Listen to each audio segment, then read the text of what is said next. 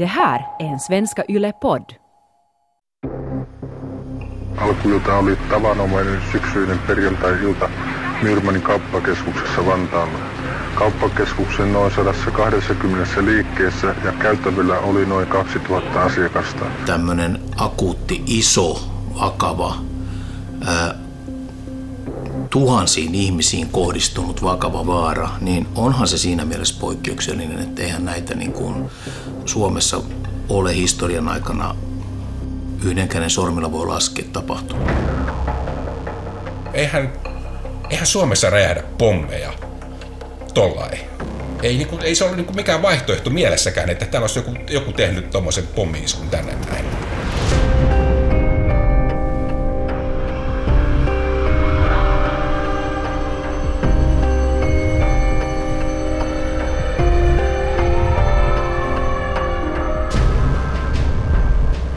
Fredagen den 11 oktober 2002 går 19-åriga Petri Gert till köpcentret Myrmanni i Vanda med en hemlagad bomb i ryggsäcken. Explosionen kräver sju liv. Över 160 personer skadas. Ingen vet varför Petri gjorde det här. Du lyssnar till Bomben i Myrmanni, en serie i den finlandssvenska krimpodden, del 1 av 3. Mitt namn är Fanny Malmberg.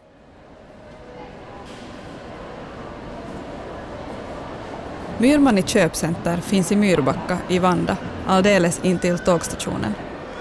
Det är inte direkt något vackert byggnadskomplex, en enorm lådformation med blek fasad. År 2002 är Myrmanni åtta år gammalt och lockar till sig folk från hela huvudstadsregionen. Köpcentret har drygt 120 butiker på sina 50 000 kvadratmeter. Många barnfamiljer kommer hit eftersom utbudet är så stort att man kan hitta nästan allt man behöver. Fredagar är speciellt populära. Medeltalet ligger på 20 000 besökare. Så är det också för Kari Turunen och hans familj den 11 oktober 2002. De har kommit till Myrmani för att göra veckans uppköp.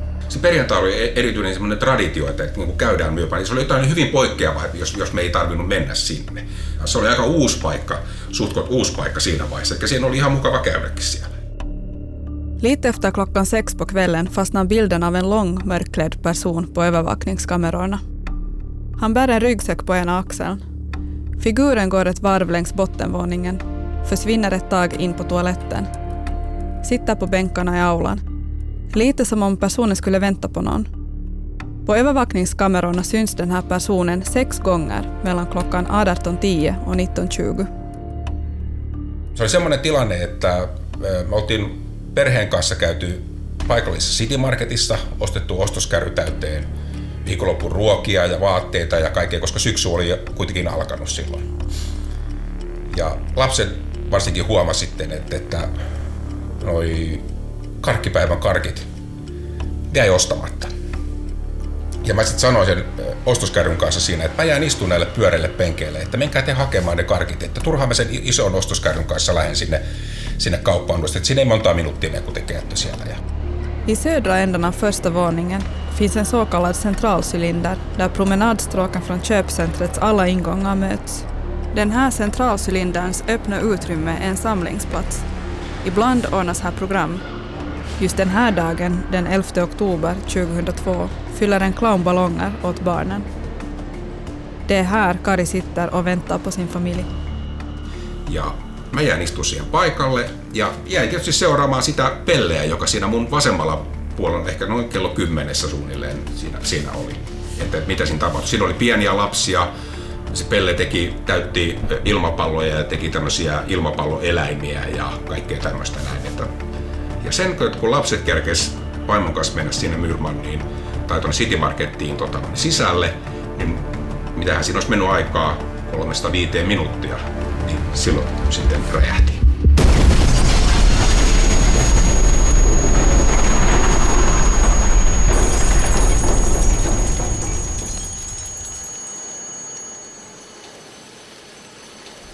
Det hörs en kraftig smäll.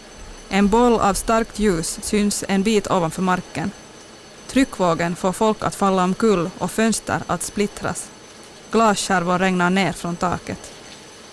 Se räjähdys tuli niin kuin sen mun istumapaikasta nähden kello 10 suunnasta. Ja kun se räjähdys tuli, niin, niin tota, ensimmäinen ajatus, mikä mulle tuli mieleen, että siellä joku kaasupullo räjähti tai jotakin tällaista tapahtui siinä. Mun reaktio oli siihen, että mä otin kännykän esille ja yksi yksi kahteen soittamaan.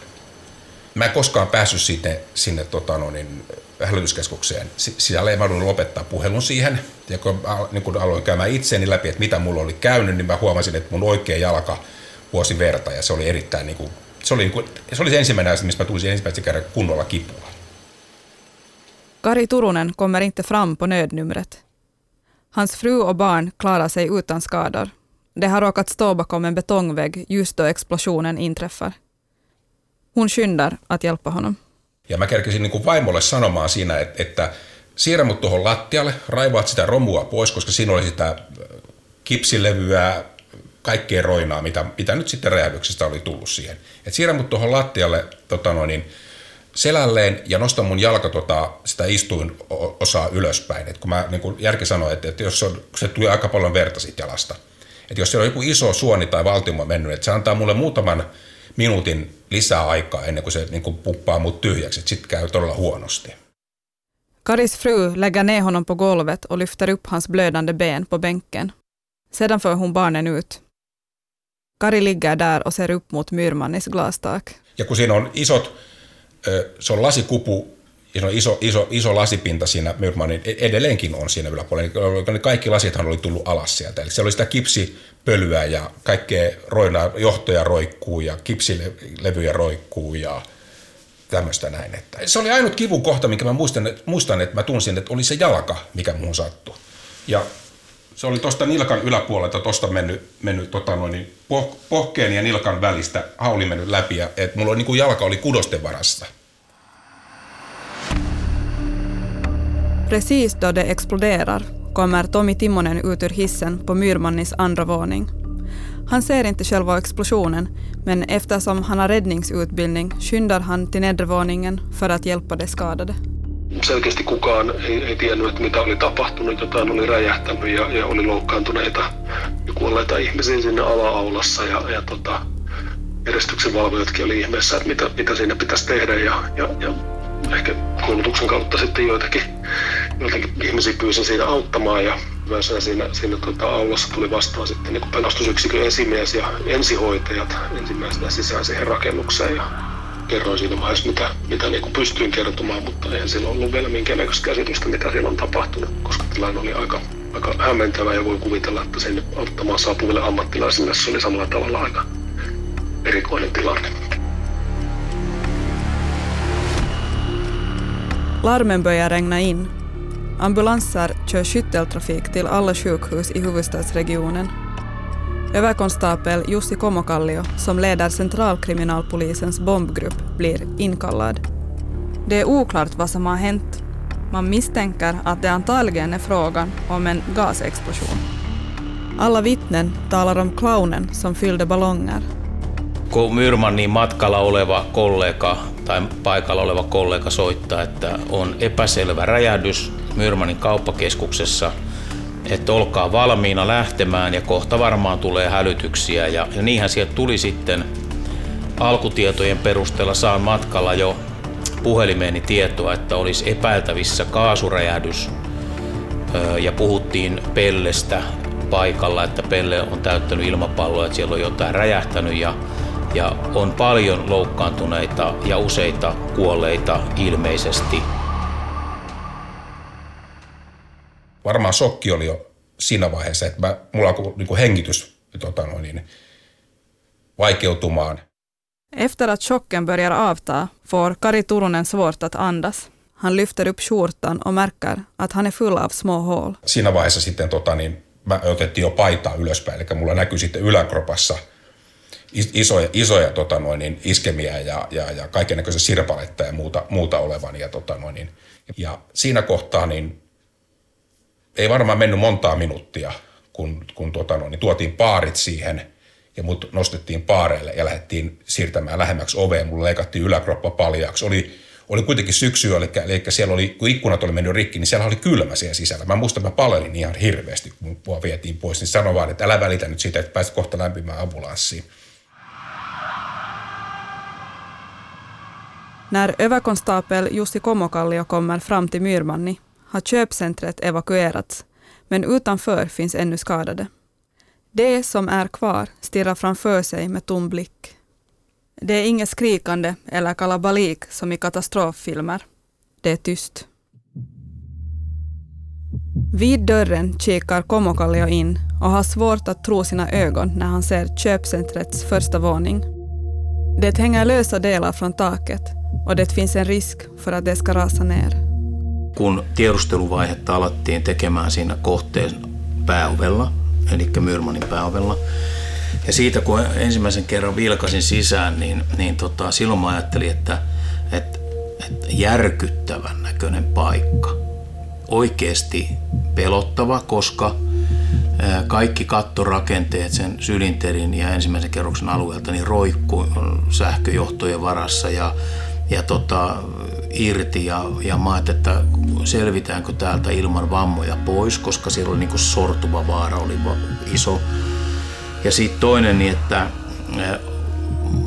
se oli tunnistettavissa muuten se niin kuin ensimmäisen kerroksen aula ja ne tasot ja se keskussylintteri, mutta sitten taas se sotku, mikä oli siinä keskussylinterin ympäristön alueella ja sitten erityisesti tietenkin meidän tekemät havainnot näistä ihmisten vammoista ja, ja sitten vainajista, niin kyllähän se niin kuin teki jonkun tyyppisen ajatuskentän kapenemisen ja putkinäyn, että ei niin kuin pystynyt enää laaja-alaisesti siinä vaiheessa, kun lähestyttiin sitä keskussulinterin ajattelemaan sitä sellaisena, mitä se oli aikaisemmin.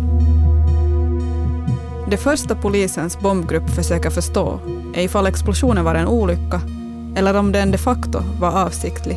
Kuolleiden ja vammautuneiden määrä viittasi myöskin jollain lailla tällaiseen joko tahattomaan räjähdykseen, mutta niillä uhka-arvioilla ja indisioilla, mitä alkuvaiheessa Myrmannissa teimme ja tehtiin ja saatiin, niin jotenkin tämä tahattoman räjähdyksen mahdollisuus aika nopeasti pystyttiin alustavasti poissulkemaan ja voitiin lähteä siitä, että kyseessä on todennäköisimmin tahallinen teko, jonka joku toinen ihminen on aiheuttanut. Är det här Finlands första terrordåd? Det är ett drygt år sedan World Trade Center-attacken i New York och polisen här hemma i Finland, liksom i hela resten av världen, är på sin vakt för just den här typens attacker.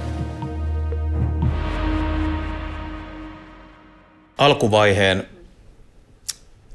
tietojen ja toiminnan perusteella näytti siltä, että on mahdollista, että Suomessa on ensimmäistä kertaa tapahtunut terrorityyppinen teko. Merkit viittasi siihen ennen kuin saatiin lisäselvitystä asiaan. Ja myöskin sitten tämä tekopaikka – suhteellisen poikkeava Suomen rikoshistoriassa. On yleinen paikka, missä on paljon ihmisiä tapahtuma-aikana yhtä aikaa. Ja tekotapa, koska tämän tyyppistä räjähdystä ei ole aikaisemmin Suomessa tapahtunut näissä olosuhteissa – kuin Myrmanissa tapahtui. Bombgruppen kammar igenom parkeringsgrottans två våningar fulla av bilar med hjälp av hundar eftersom det vid bombdåd alltid finns en plus en risk. En risk att det finns en till bomb och att det finns flera gärningsmän. De tar sig fram till platsen för explosionen och mäter gaser i luften. Ja sitten mennään, raivataan täysissä suojavarusteissa niin sanottu reitti tänne räjähdyspisteelle ja ei astuta mihinkään muualle, kun kaikki kulkee samaa reittiä pitkin ja me samalla merkitään se reitti. Ja ja myöskin sitten mitataan koko aika mittareilla, että onko täällä mitään sellaista normaalista poikkeavaa ilmassa, mikä saattaisi muuttaa tämän tehtäväkuvan muuksi kuin kaasuräjähdykseksi. Ja, ja tota, mm, se kertoi heti, että ei tämä todennäköisesti tämä ei ole kaasuräjähdys, vaan tämä on joku muu tyyppinen räjähdys. Det finns varken fler bomber eller gas i luften. Tolkningen av händelsen ger starka indikationer att det är frågan om en avsiktlig gärning orsakad av en annan människa. Från sjukhuset började komma rapporteringar om något som ser ut som skottskador. Alldeles som om de skadade blivit träffade av ett hagelgevär. Mä olin ensimmäinen potilas, muistaakseni mua kutsuttiin koodilla M1. Eli mä tulkitsin, että miespuolinen y- ensimmäinen potilas, tai miten se nyt sitten tulkita menekään. Ja lähdettiin viemään Töölöseen. Ja auto menee tuhatta ja sataa Helsinkiin Meilahteen kovaa vauhtia. Muuhun laitetaan kanyleita molempiin käsiin useampi kappale. Aina vaan kuulee vaan, että kun se sanoi, että ota vähän rauhallisemmin, no niin, ja nyt mennään taas kovaa. Se oli vähän niin kuin jostain lääkärisarjasta, että kun mut tuotiin sinne ensiavun puolelle, niin siellä oli henkilökuntaa pitkän käytävä molemmin puolin odottamassa. En del av Teppo bombgruppens poliser har åkt till sjukhuset för att förhöra de skadade. Haglen som träffat folk ger en antydan att det här inte är någon olycka. Också i köpcentret hittar man märkliga hål i konstruktionerna. Me tehtiin itse asiassa samantyyppisiä havaintoja Myrmanin sisällä, kun tehtiin Tepo Seeperän tiedustelua, että me mietittiin, että mitähän nämä tämmöiset pienet niin kuin iskut ja, ja reijät on plekseissä ja laseissa. Ja, ja sitten kun sairaalat ja, ja oma organisaatio alkoi ilmoitella, että, että löytyy näitä haulireikkiä ja hauleja on kaivettu pois eh, ihmisistä, niin, niin tota, silloin meille alkoi muodostua käsitys silloin yön aikana, että tota, tässä täytyy olla jonkun tyyppinen ö, räjähde, jossa on ollut hauleja ja tota, niin, ö, ne on aiheuttanut näitä vakavia vammoja. Ja niiden kommentti oli vaan mua aika pysäyttävä, että ne sanoi, että ai sä olit tossa, no teoriassa sun ei pitäisi olla hengissä, koska mä olin kolmen metrin päässä siitä räjähdyspisteestä.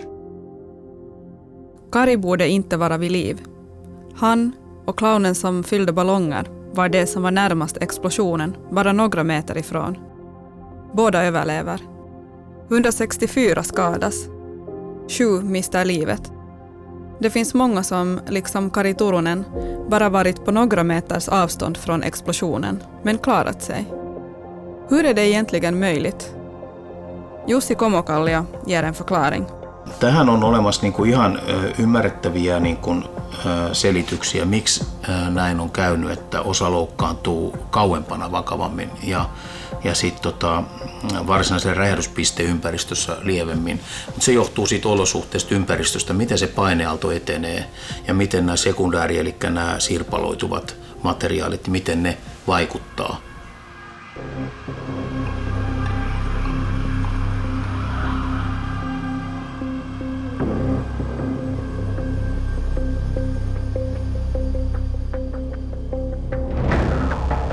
Vad man ännu inte vet är att det här dådet är det första, men inte det sista, av sitt slag i Finland. Ett dåd som ännu 2002 saknar en kategori, men som vi nu 18 år senare, i och med skolattackerna, lärt oss att placera. Under nattens utredningar har polisen kunnat identifiera alla kroppar utom en. Den är så illa tilltygad att det inte går. Polisen granskar videomaterial från övervakningskamerorna. Inte en enda av kamerorna har lyckats fånga själva explosionen. Men vem är personen i mörka collegekläder som under fredag kväll fångats på band? Han som verkade vänta på någon.